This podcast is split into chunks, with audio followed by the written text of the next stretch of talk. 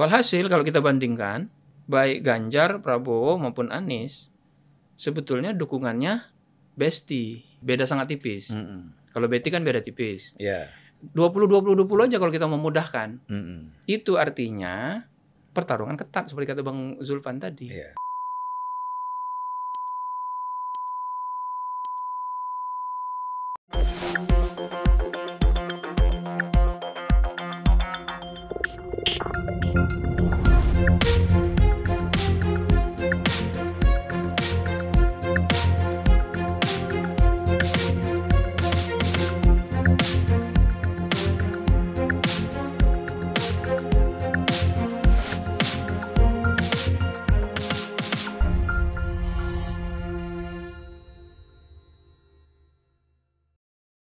Assalamualaikum warahmatullahi wabarakatuh. Waalaikumsalam warahmatullahi wabarakatuh. Salam sejahtera buat kita semua. Salam sehat dan bahagia serta sukses kepada Jayadi Hanan. Makasih Bang. Ya. Sukses dan bahagia terus serta sehat untuk Bang Zulfan. Ya, Direktur Eksekutif Lembaga Survei Indonesia. Sudah pernah juga datang ke sini. Ya Bang, makasih telah Jadi diundang dan kembali. kalau ke sini itu at home. Ya. Iya. Udah seperti rumah sendiri. ya. Insya Allah Bang. Tapi belum sempat kita undang makan siang. Ah, Baru baru sholat zuhur aja. zuhur asar. siap Bang. Oke, Bung Jayadi. Eh, saat ini kita masyarakat publik sudah tahu bahwa kita ini punya tiga calon Ya. presiden. Mhm. Itulah hasil survei Mhm. yang mau tidak mau harus diterima oleh siapa pun. Mhm. Ya, jadi Prabowo, Ganjar, Mhm. kemudian Anies Baswedan. Nah, karena itu kalau kita bicara soal capres, ini udah ketat. Ya. sudah terkunci dengan tiga nama ini. Lalu kalau cawapres masih banyak. Banyak. Ya. Walaupun sebenarnya dari hasil survei sudah bisa dikunci juga. Mhm. Tapi kan persoalannya kan eh, masih menyangkut pilihan Iya. capresnya, Iya, terus pilihan partai. betul. Nah, ini masih masih terus digodok ya. Betul. Kita belum tahu siapa nanti. Nah, tentu orang menunggu juga pendapatnya eh, Bung Jayadi apa kan Hmm. gitu supaya lebih terarah. Iya. Nah jadi kalau kita lihat ya eh, dari tiga figur ini kecenderungannya untuk si- posisi sekarang seperti apa nih? Iya, se- sejak katakanlah hampir setahun terakhir ya, Hmm. Bang Zulfan, survei atau jajak pendapat publik itu selalu menemukan, memang pertama masih ketat di antara tiga nama itu. Hmm. Cuman eh, sampai dengan sekitar apa itu Juni Agustus 2022 Hmm. itu eh, Ganjar ke apa namanya a- apa namanya Ganjar masih no- nomor satu diikuti Anies Hmm. Prabowo yang awalnya selalu unggul Hmm. selama dua tahun sejak tahun katakan 2020 2021 itu Hmm. itu mulai turun ke posisi ketiga gitu Hmm. nah tapi kemudian eh, muncul hal yang menarik lagi sejak terutama November 2022 Hmm. itu eh, apa Ganjar dan Prabowo Prabowo mulai naik lagi balik lagi Anies justru eh, menjadi nomor tiga Hmm. tadinya dia nomor dua setelah Ganjar Hmm. nah sampai dengan Desember Januari 2000 Desember 2022 sampai dengan Januari do- eh, 2023 itu Ganjar masih nomor satu Hmm. Eh, diikuti Prabowo baru Anies. Tapi kemudian eh, temuan survei di LSI menunjukkan mulai Februari, terutama kemudian Maret April sampai ke ke sini, eh, apa namanya Prabowo mulai sering menyalip Ganjar di nomor satu gitu. Iya. Meskipun selisihnya ketat ya, misalnya pada bulan April itu jarak apa, perbedaan antara Ganjar dengan Prabowo itu Prabowo di angka sekitar 36, Ganjar 32 gitu. Iya. Bedanya tipis sekali 4%. Yang dalam bahasa teknis survei itu eh, keunggulan tidak signifikan karena berada di dalam dua kali margin of error gitu. Iya. Tapi poinnya itu bahwa terutama sejak eh, awal tahun 2023 terjadi persaingan yang sangat ketat Antara Ganjar antara dengan Ganjar dengan Prabowo. Prabowo. Anies cenderung selalu tertinggal cukup jauh di angka eh, ketinggalannya bisa sampai 6%, 5% gitu cukup signifikan dibanding keduanya Hmm. gitu. Nah, eh, apa dan itu bertahan sampai sekarang. Iya. ya. Tentu saja kemudian saya kira sudah cukup banyak juga dibahas ringkasnya Hmm. salah satu penjelasan mengapa eh, Prabowo kok eh, setelah sempat menjadi nomor tiga sebelum November 2022 itu kok balik lagi gitu. Salah satu jawabannya adalah endorsement Jokowi ke Prabowo. ke Prabowo. Hmm. Jadi kalau kita perhatikan sejak November itu mulai cukup jelas tuh bahasa-bahasa gestur dari Pak Jokowi yang menunjukkan bahwa dia mendukung Prabowo Hmm. selain mendukung Ganjar. Jadi Iya. persepsi publik masih dua tuh. Hmm. Sebenarnya sampai sekarang masih masih dua Iya. bahwa Pak Jokowi itu eh, yang di- tadinya diperkirakan sebagai kader PDIP hanya mendukung Ganjar, Hmm. ternyata kemudian dia juga memberikan dukungannya kepada eh, Prabowo Hmm. eh, apa itu salah satu penjelasan mengapa kemudian Prabowo sekarang cukup menempel ketat Ganjar. Kenapa itu penting? Eh, karena kita tahu pemilih Prabowo itu kan eh, berasal terutama dari pemilih dia di 2014 dan 2019. 19. Dan pemilih eh, yang 2014-2019 itu kebanyakan adalah orang-orang yang tidak mau pilih PDIP Hmm. atau tidak mau pilih Jokowi. Jokowi. Itu nomor satu. Nomor dua adalah orang yang memang dari dulu memang pendukung kerasnya Prabowo. Prabowo. Lalu ada sejumlah orang yang lebih independen itu. Hmm. Itu kalau kita lihat di situ. Nah, eh, pendukung Prabowo, mengapa Prabowo kemudian cenderung mulai eh, apa namanya ketinggalan Hmm. se- sejak katakanlah sejak Januari 2022 sampai dengan Agustus 2022 Hmm. disalib oleh Anies itu karena sebagian banyak pendukungnya di 2019 itu pindah ke Anies, Oh. terutama yang tidak suka dengan PDIP, tidak mau pilih PDIP atau tidak mau pilih Jokowi gitu. Hmm. Nah, eh, sehingga Prabowo ke- kehilangan suara kan. Hmm. Sementara pemilih Ganjar tetap unggul. Kenapa? Karena asosiasi dia dengan apa pemilih PDIP dan Jokowi sangat kuat. Ya. Jadi pemilih PDIP eh, dan pemilih Jokowi cenderung lebih banyak Hmm. secara uh, mayoritas ke Ganjar. Tapi begitu Jokowi mulai mengarahkan pilihannya ke apa dukungan ke Prabowo, sebagian dari pemilih Ganjar itu pemilih Jokowi yang tadi ke Ganjar mulai melihat ada alternatif. Begitu. Apa itu waktu saat Idul Fitri kemarin Ya. ada makan bersama ya waktu Prabowo berkunjung ke apa ke Solo ya. Ya, betul. Ya itu Ada- bagiannya itu. Ada. Gibran ada Iya. apa macam-macam kan. Itu yang saya lihat memang eh, kalau kita kumpulkan berbagai apa eh, peristiwa Hmm. Peristiwa politik itu baik itu berupa pertemuan Jokowi dan Prabowo, pertemuan Jokowi dengan Prabowo bersama keluarganya, kemudian Atau apa event-event jalan bersama. jalan bersama di sawah, Heeh. kemudian apa namanya? oh pembicaraan misalnya em, kita masih ingat eh, di salah satu acara partai Pak Jokowi Perindo. walaupun terdengar bercanda mengatakan mungkin yang eh, berikutnya Pak Prabowo yang giliran Pak Prabowo Itu presiden acara gitu. Perindo ya. Perindo ya singkat saya ya betul. Iya. Jadi peristiwa-peristiwa itu kemudian terangkai menjadi satu sehingga dalam memori publik terutama pendukung Jokowi itu kemudian ditangkap sebagai tanda bahwa Jokowi mempersilahkan pendukungnya Hmm. untuk tidak hanya mendukung Ganjar. Ya. Ditambah satu hal lagi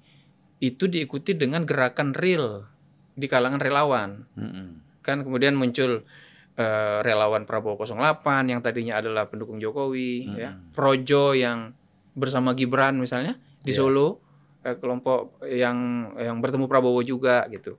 Jadi eh, berbagai peristiwa itu kemudian membuat publik menangkap bahwa Jokowi memberikan endorsement tidak hanya kepada Ganjar tapi juga kepada Prabowo. Hmm.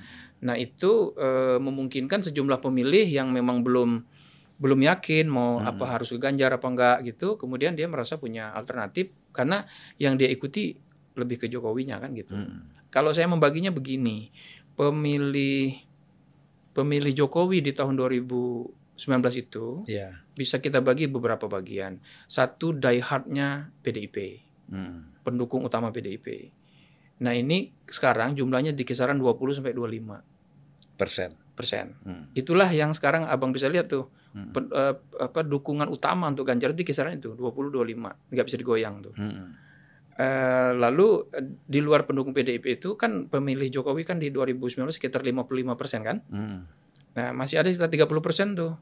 Ada yang memilih Jokowi ya memang karena bukan karena PDIP, Hmm. tapi karena Jokowinya. Iya. Nah yang ini diperkirakan menunggu itu. Ke mana arahnya? Ya Jokowi? ke mana arahnya Jokowi. Nah tentu saja tidak 100% hasilnya tentu saja. Karena eh, masih di atas Hmm. 50% kalau saya perhatikan pendukung Jokowi itu masih lebih banyak memilih Ganjar gitu. Hmm. Tapi setelah itu ke Prabowo baru ke Anies.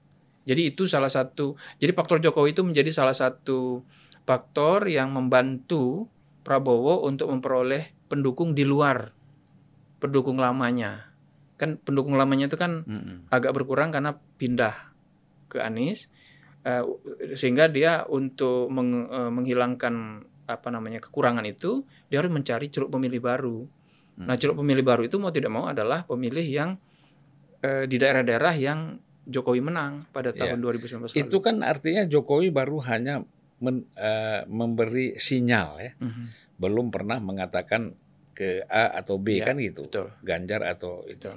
Itu saja kecenderungannya sudah banyak yang Iya. pindah ke Prabowo kan, mendukung Prabowo kan. Iya, cuman saya melihat sinyal itu tampaknya diterjemahkan oleh banyak pendukungnya di lapangan, Bang. Hmm.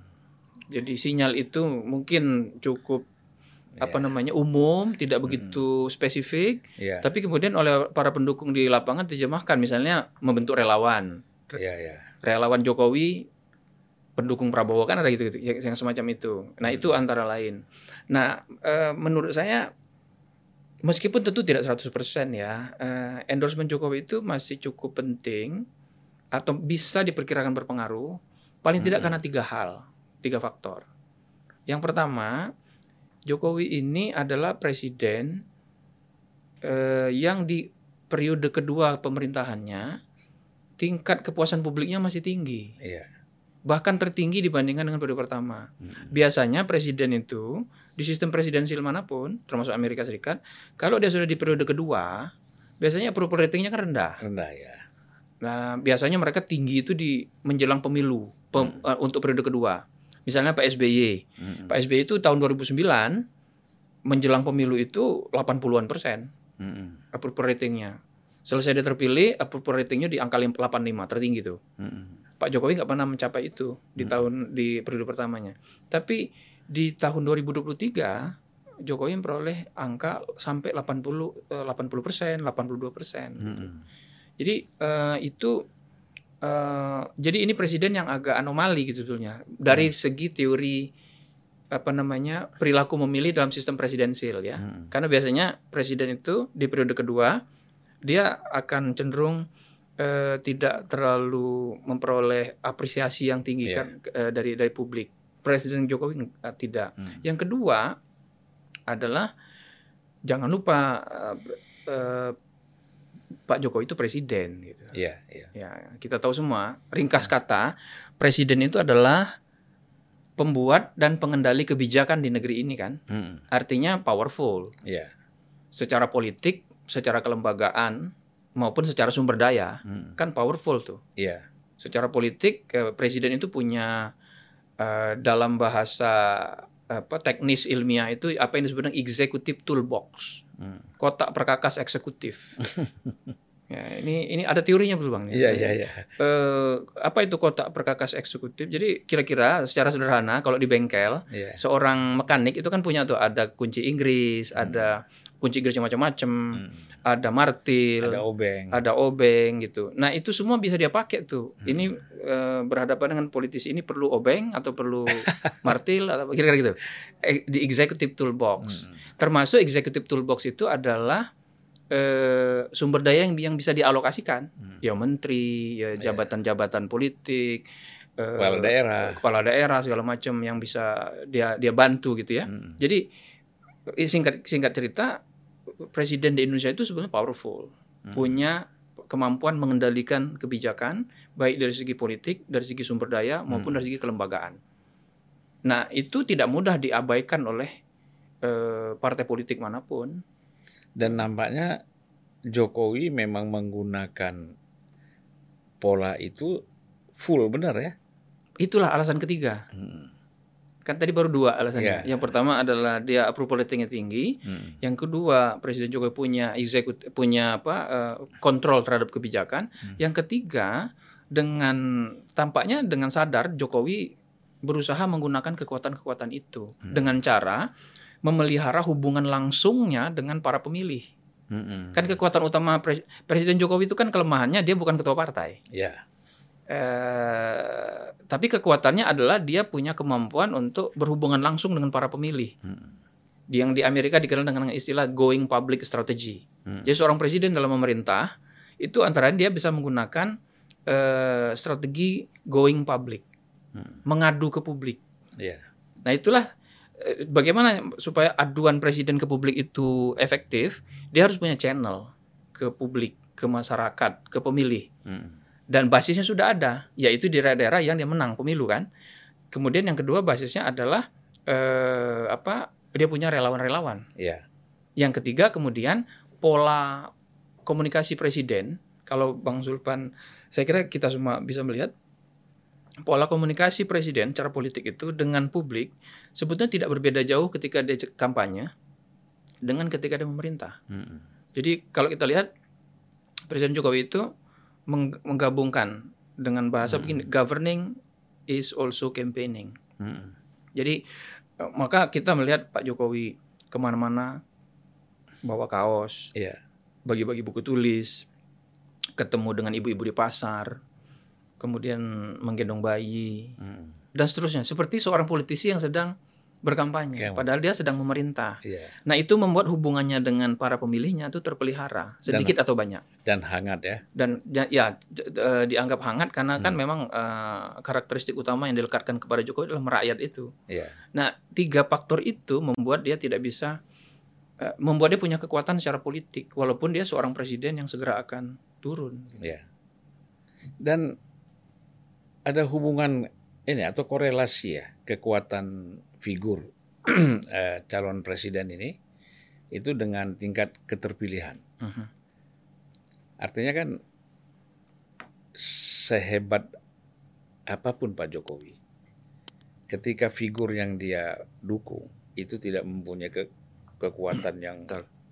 positif, itu kan juga Betul, kecil ya. persis bang, persis. Nah ini kalau dilihat seperti ini Iya. gimana? Kan Iya, jadi tidak bisa tiba-tiba misalnya Pak Jokowi mengendorse Jayadi Hanan gitu, tiba-tiba Hmm. saya bisa menyanyiin Anies kan nggak bisa gitu. Jadi harus ada raw materialnya. Ya, dalam Iya. bahasanya Bang Zulpan tadi, figur yang di-endorse memang figur yang bagus atau figur yang memang punya potensi untuk Iya. di memiliki kekuatan publik gitu, kekuatan dukungan publik. Nah, eh, dari mana kita melihat eh, potensi eh, figur-figur yang potensial Hmm. memiliki dukungan ku- publik yang kuat itu? Salah satu caranya adalah kata Bang Zulfan, kita Hmm. lakukan survei, jajak pendapat, kita lihat kita petakan tuh. Hmm. Nah, dapatlah tiga nama itu. Iya. Tiga nama itu yang dilihat paling potensial untuk eh, apa namanya menjadi eh, para pemain utama Hmm. dalam kompetisi Pilpres 2024. Jadi eh, dengan adanya tiga, raw material seperti itu, bahan dasar seperti itu, maka Pak Jokowi tinggal jadi fungsinya adalah memperkuat atau menambah. Hmm. Nah, apa kepada siapa dia dia ingin dia lebih percaya, Hmm. dia lebih endorse, maka itu bisa nambah tuh. Tapi sekali lagi tentu harus punya bahan dasar Iya, dan iya. dan tiga nama ini memang punya bahan dasar yang kuat kan. Anies dari segi popularitas sudah 80%. Hmm. Ganjar juga sekarang dari segi popularitas sudah sekitar hampir 80%. Hmm. Apalagi Pak Prabowo ya. Hmm. Pak Prabowo kan sudah uh, hampir 100% dikenal publik. Jadi dari segi popularitas mereka sudah dikenal. Kemudian dari segi dukungan real, Hmm. elektabilitas, ini punya semua sudah. Ganjar itu mengandalkan dukungan utamanya dari pemilih PDIP Hmm. sekitar 20%. Pak Prabowo mengandalkan dukungan utamanya dari terutama pemilih Gerindra dan pemilih dia yang loyal di tahun 2019. Hitung-hitungan saya sekitar 20% juga. Anies itu mengandalkan pemilih yang tadinya memilih Pak Prabowo Hmm. karena mereka tidak memilih PDIP atau tidak memilih Jokowi. Iya. Itu juga sekitar 15 sampai 20%. Ya, itu mungkin berkaitan juga dengan kekecewaan mereka ketika Prabowo masuk dalam kabinet Jokowi ya. Iya, jadi eh, apa yang apa namanya yang kecewa ini kalau dilihat dari survei yang itu yang memang tidak tadinya memang mengharapkan Prabowo berada di luar. Hmm. Tapi pendukung setia Prabowo yang kalau kita lihat itu eh, memilih Gerindra Mm-mm. itu tampaknya cukup solid mengikuti gerak Prabowo. Kalau dari kalau kita lacak dari berbagai hasil survei ya, Mm-mm. eh, pemilih Gerindra di berbagai survei yang ada sekarang itu umumnya adalah pemilih Prabowo. Jadi mele- milih Gerindra hampir pasti milih Prabowo. Solid itu 80 persenan pemilih Gerindra itu milih Prabowo. Nah, berapa persen pemilih Gerindra kalau kita perhatikan dari berbagai survei Mm-mm. termasuk di LSI itu pemilih eh, tingkat dukungan Gerindra sebagai partai di pemilu legislatif itu sekitar 15 sampai maksimal 20 persen. Mm-mm. Itulah yang juga menjadi bahan pokok atau dukungan dasar Ya. yang dimiliki oleh Prabowo. Walhasil kalau kita bandingkan baik Ganjar, Prabowo maupun Anies sebetulnya dukungannya besti. Mm. Sejak yang dukungan dasarnya ya, besti, beda sangat tipis. Mm-mm. Kalau beti kan beda tipis. Ya. Nah, itu eh, 20 20 20 aja kalau kita memudahkan. Mm-mm. Itu artinya pertarungan ketat seperti kata Bang Zulfan tadi. Ya. Tidak ada di antara mereka kalau kita simulasikan tiga nama, Hmm. ada yang dapat 30 mau- ada yang dapat 40 persen misalnya. Hmm. Anies, Ganjar, Prabowo. Itu di simulasi itu sulit, jarang sekali ketemu angka 40 persen. Paling-paling 35, 37 Mm. gitu. Dapat. Terakhir 37 apa 38 ya? Terakhir itu kalau di LSI 36 Prabowo, Mm. 30 itu yang bulan anu, bulan apa? April. Tapi kalau di bulan eh sebentar, bulan Juni, eh, Juli awal Juli itu di kalau di LSI itu seingat saya Prabowo itu di angka 30 eh tiga, sekitar 36, Ganjar 36, koma atau 37, Hmm. Anies di 21 sampai 22 persen. Jadi terutama antara Prabowo dan Ganjar sangat sangat ketat. Ketat. Ya. Jadi jadi apa namanya? mereka harus hati-hati betul menentukan langkah-langkah berikutnya termasuk memilih calon wakil presiden. Ya. Nah, eh, sekarang kan pasti tetap bagi pemilih, bagi masyarakat, ini kan eh, banyak pertanyaan, Mhm. Per- terutama dikaitkan dengan kemampuan mereka Ya. di dalam memimpin negara Mhm. nanti ke- ketika mereka jadi presiden. Ya, Nah, mungkin Bung Jayadi pernah survei atau melihat apa sih Ya. masyarakat melihat Tiga sosok ini. Eh, kekuatannya Prabowo apa, Ya, ya. kekuatan Ganjar itu apa, Ya, ya. kekuatan Anies itu apa, kan orang perlu tahu nih, Betul, betul. ya kan, strongnya nih di mana mereka Ya, nih, kalau kita bikin apa namanya, Matriks ya, pemetaan. Ah, ya, pemetaan. Betul, betul Bang. Betul, persis Ya, Bang. Kita ya. selalu punya pemetaan soal eh, karakteristik apa yang diinginkan masyarakat untuk melekat pada Hmm. seorang pemimpin. Nah, sampai hari ini sampai hari ini ya masih di kisaran empat hal. Hmm, Satu merakyat, peduli rakyat. Hmm. Dua jujur bersih dari korupsi. hmm, Tiga itu ketegasan dan kewibawaan. Empat pintar atau kemampuan dalam memimpin. hmm, Empat hal itu yang tampaknya yang sampai hari ini berdasarkan hasil riset. Kalau kita riset sejak 99 sampai sekarang, Hmm. itu yang dicari publik melekat pada so- eh, pada sosok pemimpin. hmm, Masalahnya tidak ada satupun pemimpin yang punya empat-empatnya. hmm.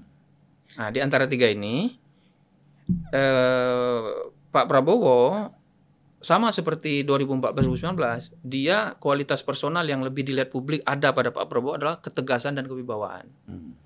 Kemudian Ganjar itu yang dilihat publik lebih ke soal merakyat, rakyat. ya, perhatian ra- pada rakyat, Dia, kedekatan dianggap rakyat. sama dengan Jokowi lah ya. Iya, dianggap mirip dengan Jokowi. Anies Baswedan eh, dianggap memiliki eh, sebagai orang yang pintar, pandai, Hmm, Ya. Intelektual. intelektual. Hmm. Masih masih soal soal itu. Hmm. Nah, yang soal kedua yaitu jujur bersih dari korupsi, secara umum tiga orang ini dianggap sama kuat Hmm. secara umum. Sampai eh, ya mungkin karena memang belum Tapi belum bagus tuh kalau sama kuat. ya cenderung ya. Kalau sama bermasalah yang bahaya. Nah itu apakah sama kuat sama bermasalah itu sama itu nggak tahu ya itu bang Zulfan. Zulfan. Jadi Ya. jadi cenderung eh, persepsinya publik eh, menganggap mereka sementaranya tidak bermasalah dari Ya, sisi tidak itu bermasalah, ya. dari sisi itu.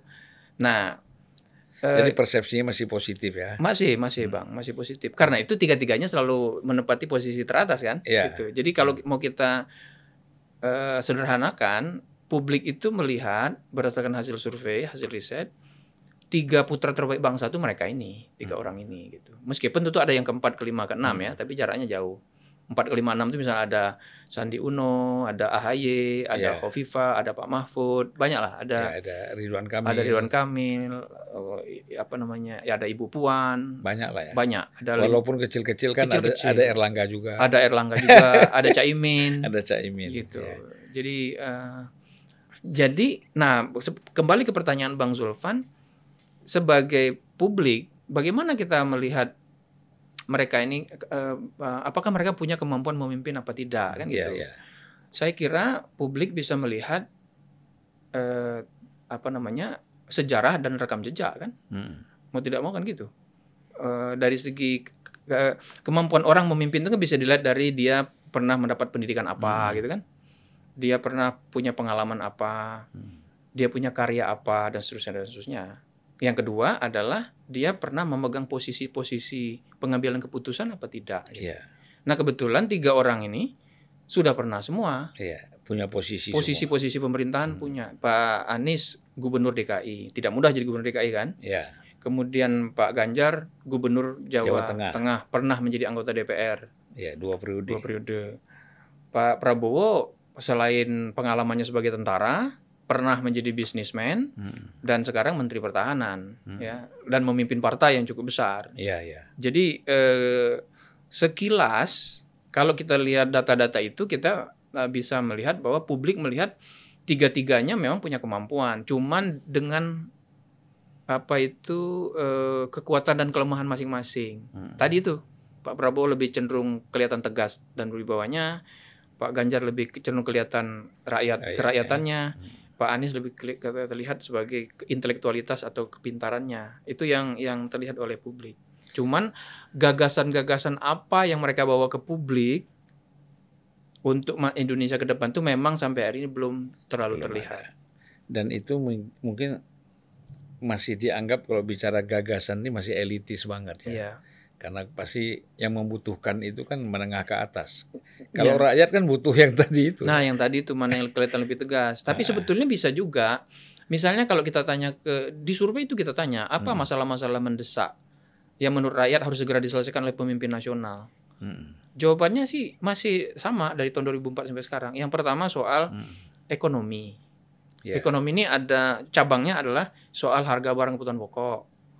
Nah, presiden calon-calon presiden itu ditunggu tuh. Mm. Mereka punya res- punya gagasan nggak untuk menst- memastikan agar barang-barang kebutuhan pokok, termasuk misalnya ketahanan pangan, Mm. itu terjaga.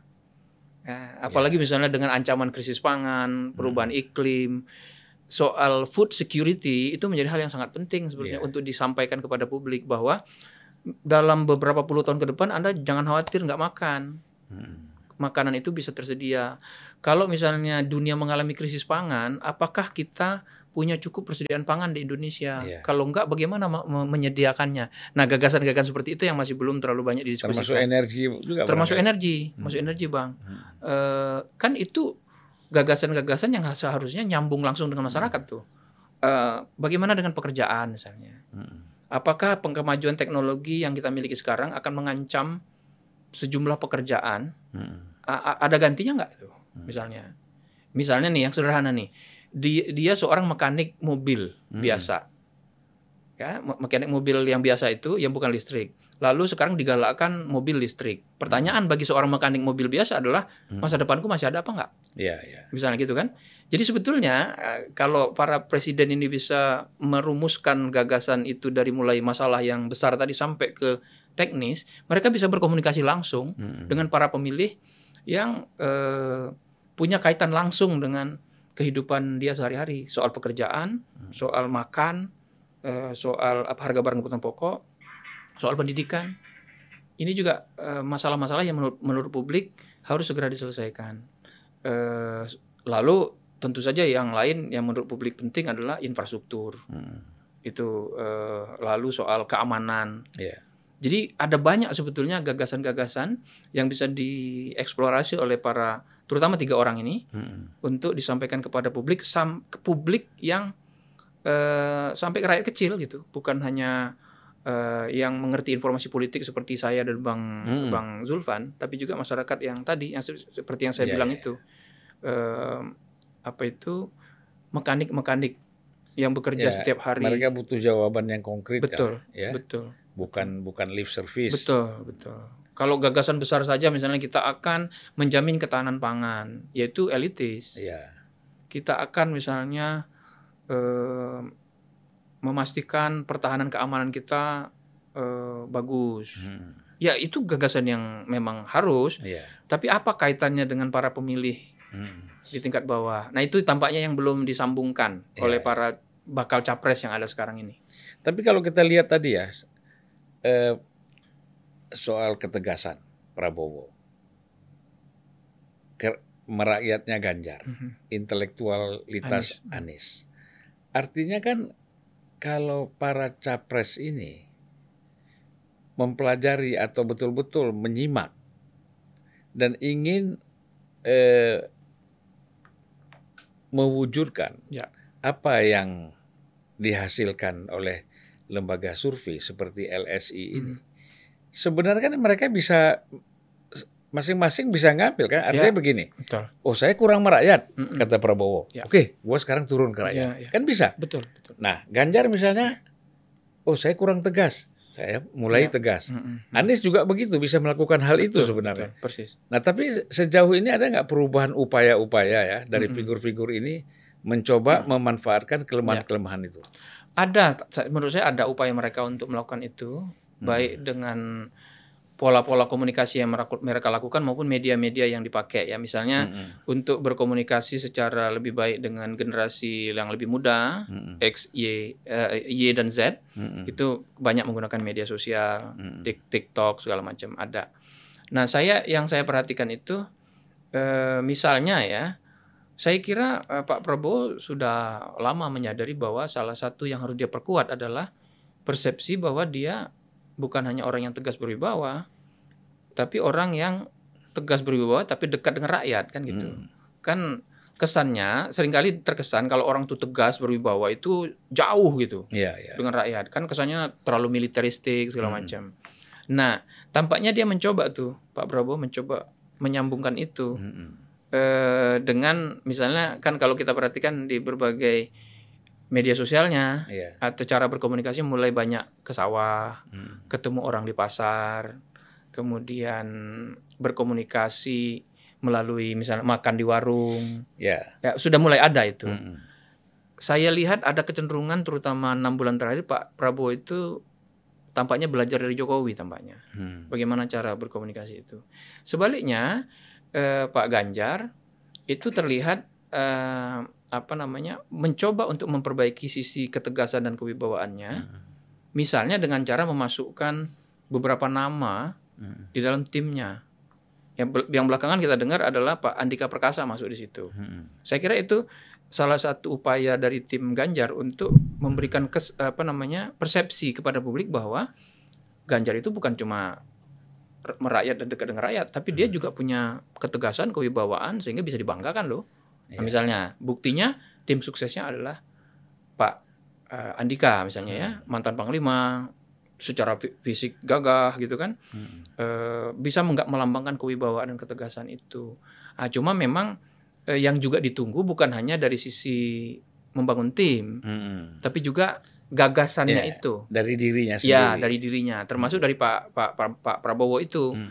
Saya menduga tadinya Pak Prabowo akan banyak bicara soal pangan ya, Hmm. soal ya kan kalau bicara rakyat Indonesia kita bicara pangan Mm. antara lain. Kita kalau Pak Harto dulu bicaranya beras. Iya. politik beras. Nah, seka- eh, sekarang ini itu juga yang menjadi salah satu concern masyarakat. Jadi kalau bicara pangan itu sebetulnya gagasan itu yang sangat mudah untuk masuk ke benak publik secara umum. Iya. Nah, Pak Anies saya, juga, saya lihat juga begitu. Dia mulai banyak eh, turun ke bawah mendekati Mm. para santri di Jawa Timur, ya Iya, kan? iya. Berbicara dengan para kiai di Jawa Timur, juga di Jawa Tengah dan sebagainya untuk menunjukkan bahwa dia dekat dengan masyarakat kecil. Kan intelektual biasanya kan di Iya. Menara Gading, kesannya di Gading. universitas, Mm. ngomongin hal-hal yang besar, ngajar mahasiswa. Hmm. Nah, dia mencoba berkomunikasi ke pasar-pasar, ke ke para santri, ke masyarakat yang dianggap dari kalangan menengah bawah dan sebagainya. Kiai-kiai kampung. Saya saya mulai melihat ada pola-pola komunikasi seperti itu. Jadi kalau kita perhatikan tiga nama ini, tiga tiga figur ini memang tampaknya sadar betul bahwa mereka tidak bisa hanya mengandalkan satu kekuatan personal Mm. Mereka tahu bahwa masing-masing itu punya kekuatan personal masing-masing, tapi itu nggak cukup untuk memenangkan pilpres. Tapi approach yang digunakan kan, narasi-narasi yang digunakan juga dengan pendekatan ini kan itu harus harus bisa dipahami, Ya. ya kan, Betul. oleh rakyat gitu. Benar. Nggak bisa terlalu bahasa-bahasa yang juga mereka tidak mengerti Ya. atau bahasa yang terlalu jelimet. Benar. Nah ini kalau dari segi pola komunikasi ini siapa yang lebih unggul itu? Sementara kita eh, belum anu ya, eh, belum bisa melihat. Kalau misalnya di kita lihat, eh, jadi begini, cara mereka berkomunikasi itu kan bisa menggunakan gabungan tiga hal sekaligus. Yang pertama pesan seperti kata Bang Zulfan tadi. Hmm. Inti gagasannya apa? Ya. Yang kedua adalah eh, media, media komunikasi apa yang mereka Hmm. pakai. Yang ketiga adalah siapa yang membantu mereka menyampaikan pesan itu, Hmm. gitu. Nah, saya melihat tiga kandidat ini tampaknya beberapa bulan terakhir itu tampak sangat fokus atau lebih fokus pada Hmm. pemilih terbesar, Ya. yaitu generasi yang berusia 40 tahun ke bawah di Hmm. tahun 2024 nanti. Dan memang itu betul. Eh, menurut hitung-hitungan KPU di DPT ya, daftar pemilih tetapnya KPU yang baru diumumkan kalau nggak salah Hmm.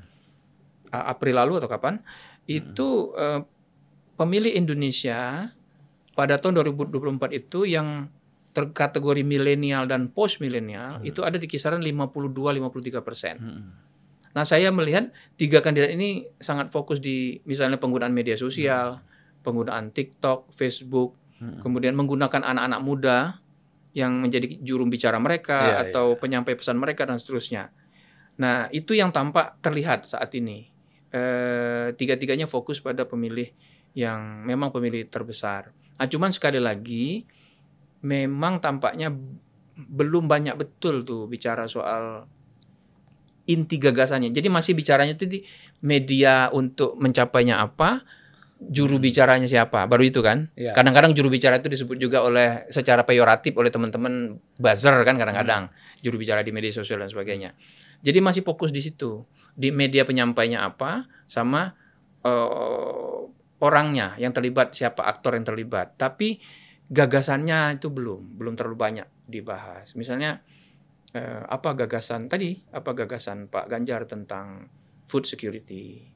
Apa gagasan Pak Ganjar soal eh, eh, Pak Anies pernah menyampaikan soal mobil listrik kan gitu Hmm. tapi yang yang yang di- yang fokus malah soal subsidinya Hmm. gitu Eh, Pak Prabowo pernah bicara soal food security juga Hmm. atau urusan luar negeri Pak Prabowo pernah bicara soal perang Ukraina Rusia kan gitu ya Hmm. yang sempat juga eh, menjadi pembicaraan publik tapi secara detail itu yang menurut saya harus mereka Iya, lebih seriusi Tapi kan padahal kan kalau kita bicara satu, Prabowo dua kali menjadi calon presiden.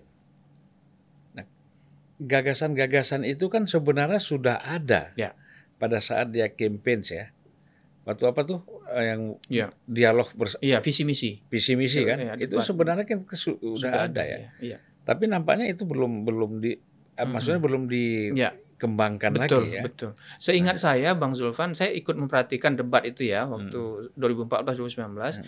memang visi misi yang diperdebatkan itu atau visi misi yang dibangun yang disampaikan ke KPU Hmm. itu kan persyaratan formal kan Ya. memang masih cenderung umum dan normatif Hmm. eh, apa namanya mungkin alasannya begini ya kalau kita ngomong gagasan-gagasan kebijakan konkret kan eh, tidak bisa dong eh, apa hanya dalam waktu beberapa hari kampanye Hmm. ya betul tetapi kan kita bisa mengambil beberapa gagasan konkret Hmm. yang paling strategis atau paling pokok Ya. gitu kan ya misalnya eh, meningkatkan eh, ketahanan pangan memastikan bahwa eh, orang Indonesia itu terjamin keamanan makanannya Hmm. sampai 50 tahun ke depan misalnya. Iya. Nah, itu kan tentu gagasan yang sangat besar. Mm. Tapi ada eh, apa? Ada gagasan konkret satu atau dua yang bisa diambil. Mm. Saya masih ingat misalnya Prabowo pernah bicara soal revolusi putih Mm. 2014 2019.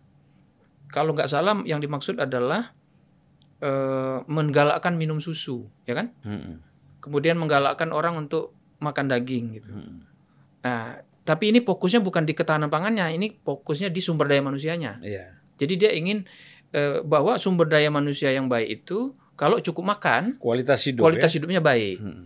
Kan bagus itu. Iya. Eh, nah, cuma hal-hal semacam itu tidak tidak diperdebatkan secara serius kan di Ya, dalam artinya dia bicara di hilir, tapi hulunya tidak di- Belum. belum. belum. Sebenarnya kan kalau kita lihat ya, eh, problem-problem persoalan pangan ini kan banyak. Mm. Ya.